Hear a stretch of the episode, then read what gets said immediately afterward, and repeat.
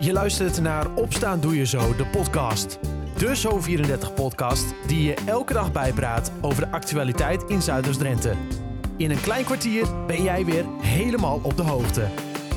Het is maandag 9 mei 2022. Dit is Opstaan Doe Je Zo, de podcast, aflevering 192. Een zonovergoten dag vandaag in Zuidoost-Drenthe met een temperatuur die richting de 24 graden gaat. Met in het Zuidoost-Drentse nieuws vandaag. In Emmen wordt woensdag gestaakt in het streekvervoer. Het is de start van een estafettestaking van FNV Streekvervoer. De vakbond wil een prijscompensatie voor de inflatie en de oplopende kosten. En ook wil FNV betere werkomstandigheden en minder werkdruk. Zometeen meer nieuws uit de regio. En verder in de podcast hoor je over een Picasso-kunstwerk in Emmen. Maar eerst een bijzondere reis voor huisarts Janette Steendam. Zij vertrekt binnenkort naar Polen om daar Oekraïense vluchtelingen medisch te ondersteunen. Janette, de hulp is daar van harte welkom en kan ook goed gebruikt worden. En voor jou is dit niet eens de eerste keer, toch? Ja, ik eh, ben drie keer eh, op Lesbos geweest. Uh, op uh, het oude kamp Moria, wat, wat uh, een paar jaar geleden afgebrand is. En vorig jaar ben ik op het nieuwe Moria geweest, zeg maar het Muroviniu. En daar ben ik via Stichting Bootvluchteling geweest. En daar heb ik meegeholpen met een medische missie. En heb ik daar vier weken hulp verleend. Ja. En um, dit jaar zou ik eigenlijk weer met Stichting Bootvluchtelingen richting Griekenland gaan. Ja. ik zou naar een ander eiland gaan, naar Samos, om daar een nieuwe medische missie op te zetten. Maar uh, ja, de vergunningen zijn nog niet helemaal rond. En toen benaderde de stichting Bootvluchteling mij om uh, naar Polen, naar Krakau te gaan. En ik zei van nou, dat lijkt me ook een goede optie. Dus Ja. dat ga ik doen. Ja, Ja. eh, dat is, dat is eh, allereerst natuurlijk sowieso een bijzondere eh, reis. Ook eh, op Lesbos, wat je net eh, schetst. Eh, hoe rol je eigenlijk ja, daar een soort van in? Hoe, hoe, hoe, hoe, hoe kom je daar terecht, zeg maar, in dit soort eh, eh, nou ja, operaties?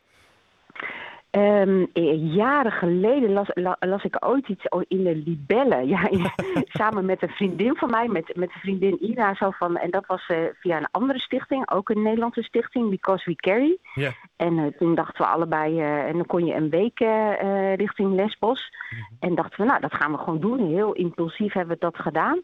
En eh, ja, als je daar bent, dan, dan zie je ook andere, eh, zeg maar, NGO's, non-governmental organizations. En toen kwam ik eh, Stichting Bootvluchteling tegen, want ja, ik wou toch wel graag iets medisch gaan doen. En ja, zo, zo rol je daar dan in. Ja, en, en, en Ja. Wat, wat doe je dan precies? Want medische hulp, ja, dat, is- dat is zo breed als dat kan zijn. Je bent hier in, in Emmen gewoon huisarts. Ja, dan, dan moet je tegenwoordig ook bijna van alle markten thuis zijn. Maar wat, wat is specifiek daar vooral de focus op? Ja, toch, toch inderdaad gewoon de huisartsenzorg. Wij, wij deden daar eh, s s'avonds en in het weekend leverden we de medische acute zorg. Mhm. Dus daar kwamen kinderen met koorts, eh, mensen met koorts, maar ook heel veel, ehm, eh, ja, heel veel angstige mensen, heel veel getraumatiseerde mensen. Dus je had heel veel acute psychiatrie. en dat was wel heel indrukwekkend hoor. Dus Ja. ja, ja met, met mensen met acute dissociaties, ja, die, die had ik hier nog nooit eerder gezien. Maar die, ja, die zag je daar eigenlijk elke dienst wel eh, komen. Ja. Maar ook, ook, ja, ook mensen met simpele dingen. eh, ehm, met een wondje, maar ja, ook heel veel mensen met, eh, ja, wij noemen dat psychosomatische klachten. Gewoon heel veel rugpijn, hoofdpijn, nekpijn. Door alle spanningen die in je lijf gaan vastzitten. Ja. Buikpijn, ja, ja, dat soort dingen. Ja, ik kan me wel eh, voorstellen dat je dan ook ineens in een hele andere wereld stapt of zoiets. Terwijl het helemaal niet zo heel ver weg is eh, natuurlijk. Nee, dat, dat, dat, is ook, dat is ook eigenlijk een heel, eh, ja, heel bizar. Je, je, je, als je daar bent, dan, dan denk je echt, mijn hemel, wat gebeurt er allemaal op drie uur vliegen van Nederland? En als je je diensten opzit en ja, je bent daar in Mytilini, de hoofdstad van Lesbos. Lesbos is een vakantieeiland. Ja, het, is een schitterend eiland, echt zulke mooie Griekse plaatjes. Ja. Dan denk je echt, hè, kan dat hier bestaan? Kan dat überhaupt in Europa bestaan? Ja, Ja, dat ja. kan. Ja, En ja. ja. ja, toch eh, die eh, bizarre wereld, het, het trek je toch op een, een of andere manier? Of is het dan echt de, de, nou ja, toch een beetje de wil om te helpen of zo? Ja, de- ik, ik denk dat dat de wil om te helpen is. Ik denk dat dat ook de reden is dat ik een eh, dokter geworden ben om andere mensen te helpen. Ja, Ja, ja. dat zit er Ja. dan een beetje in. Is het dan ook zo dat ehm, eh, je daar misschien nog dingen leert waar je dan hier ook weer iets aan hebt? Of, of je leert er natuurlijk altijd iets van. Maar... ja, ja je, je relativeert enorm. Als je daar bent, eh, relativeer je het westerse leven enorm. En dan Mhm. zie je ook in wat voor enorme luxe positie wij leven. En in vrijheid. Hè? Wij leven in vrijheid. Ja. Gewoon, ik heb een paspoort en ik kan vertrekken. Mhm. de, de, en ja, op Lesbos wou, die, wou, iedereen natuurlijk graag een verblijfsvergunning ergens hebben. Maar ik, uh, ja, ik heb een paspoort en ik vertrek weer naar Nederland. Ja. En dat is denk ik in, in, in Polen ook. Hè, wat is belangrijk? Ja, je vrijheid is zo ontzettend belangrijk. Ja, en uh, ja, die mensen die daar aankomen, is natuurlijk allemaal angst en onzekerheid. Wat gebeurt er met je land? Ja. Wat gebeurt er met mijn huis? Wat gebeurt er met me? Want 40% van de vluchtelingen uh, in Polen is kind. En, eh, en met heel veel vrouwen en ouderen. Ja, en de mannen blijven daar om te vechten. Mm -hmm. Ja, dat is natuurlijk heel veel zorg en onzekerheid. Wat gebeurt er met mijn partner, vader, oom? Ik zeg maar wat. Ja, ja het is bijna eigenlijk niet, niet, niet te bevatten, zeg maar. we kunnen het ons hier heel moeilijk voorstellen. Nee, nee. En, en, ja, en, en het is zo dichtbij, hè? Ja. Dus, uh, ja. ja. Je zei het al, het was niet helemaal de bedoeling om uh, naar Polen te gaan. Je zou eigenlijk inderdaad weer naar uh, Griekenland en nu dan naar Polen. is dan een beetje, ehm, ja, staat daar dan een beetje hetzelfde te wachten? Is het heel erg vergelijkbaar met, met wat je eerder hebt meegemaakt? Of weet je dat eigenlijk nog niet zo goed wat er, wat, wat er nee, zo te wachten staat? Weet, Nee, dat weet ik eigenlijk niet zo heel erg goed. Want in, in, uh, op Lesbos uh, ja, was de medische missie natuurlijk, die stond al een aantal jaren. Dus dat was mhm. een vaste organisatie en een vast systeem. Dus ik denk in Krakau, uh, ze zijn daar nu een aantal weken. Dus ze hebben wel een, zeg maar een basispost en een basismissie opgezet. Maar ik denk ook dat het heel erg afhankelijk is van waar we het hardst nodig zijn. Ja. dat we daar ingezet worden. En ja, ik denk ook weer dat we ja, acute medische zorg verlenen bij kinderen die, die komen. Ja, kinderen met koorts, buikpijn. Mhm. uh, en ik denk dat ook heel veel mensen hals over kop vertrokken zijn. Oudere mensen, misschien wel zonder medicatie, die daar on, daardoor ontregeld zijn.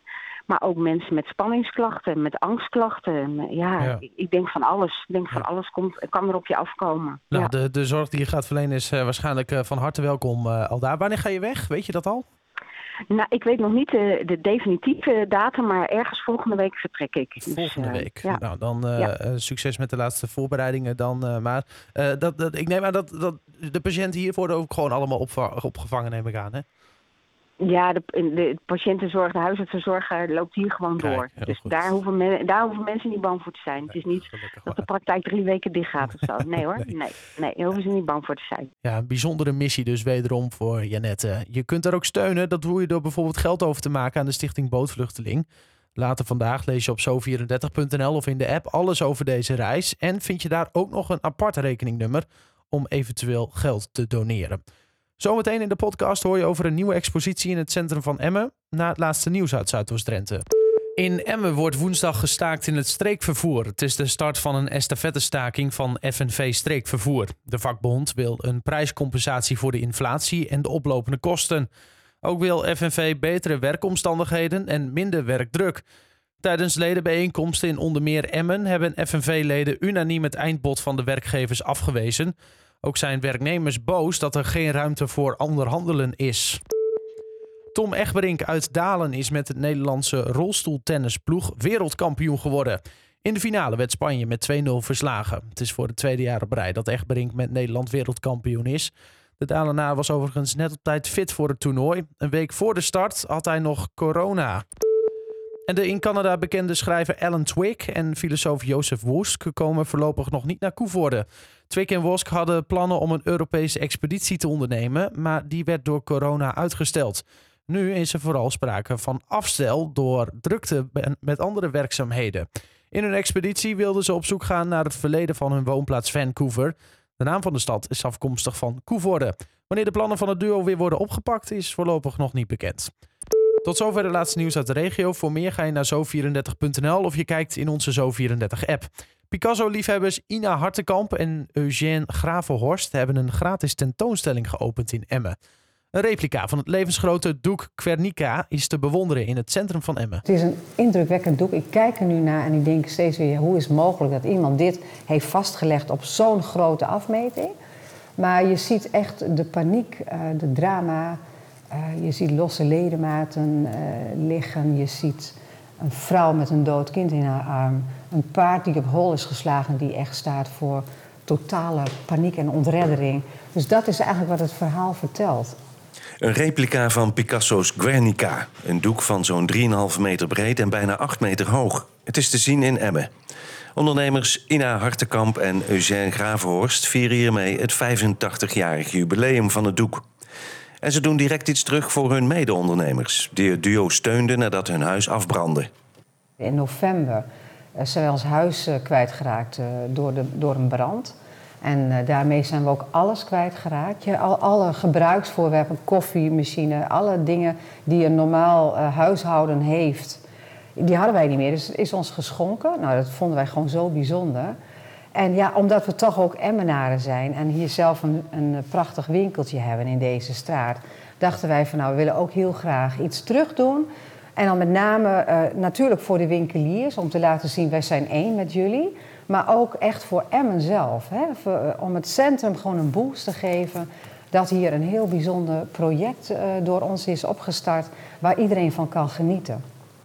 De replica is gemaakt door Eugène. Op de dag van de opening is hij ook nog druk bezig met een voelbaar doek. Zodat ook blinden en slechtzienden een stukje Picasso meekrijgen. Twee uurtjes en dan uh, moet ik uh, het doek opgehangen hebben. En dan, uh, dan moeten we de boel nog even opruimen. En een beetje klaarmaken dat onze eerwaarde burgemeester de, het kleine Tiny Moma museum gaat openen. En dan, uh, dan mogen de mensen naar binnen doen. Ina hoopt vooral dat er veel mensen komen kijken. Maar het is ook echt in de eerste instantie echt voor de winkeliers. Uh, als er veel mensen van buitenaf deze kant op zullen komen, dan hebben we ze toch maar in het centrum. En dat is wel erg essentieel. De expositie is te bekijken in een leegstaand pand in de Noorderstraat in Emmen en is gratis toegankelijk. Dat pand wordt ook nog eens gratis beschikbaar gesteld door de eigenaar. Een stukje nauwerschap in het Emmen Centrum dus. Meer hierover lees je op zo34.nl of in de app. Tot zover Opstaan Doe Je Zo, de podcast van maandag 9 mei 2022. Een fijne dag en tot morgen.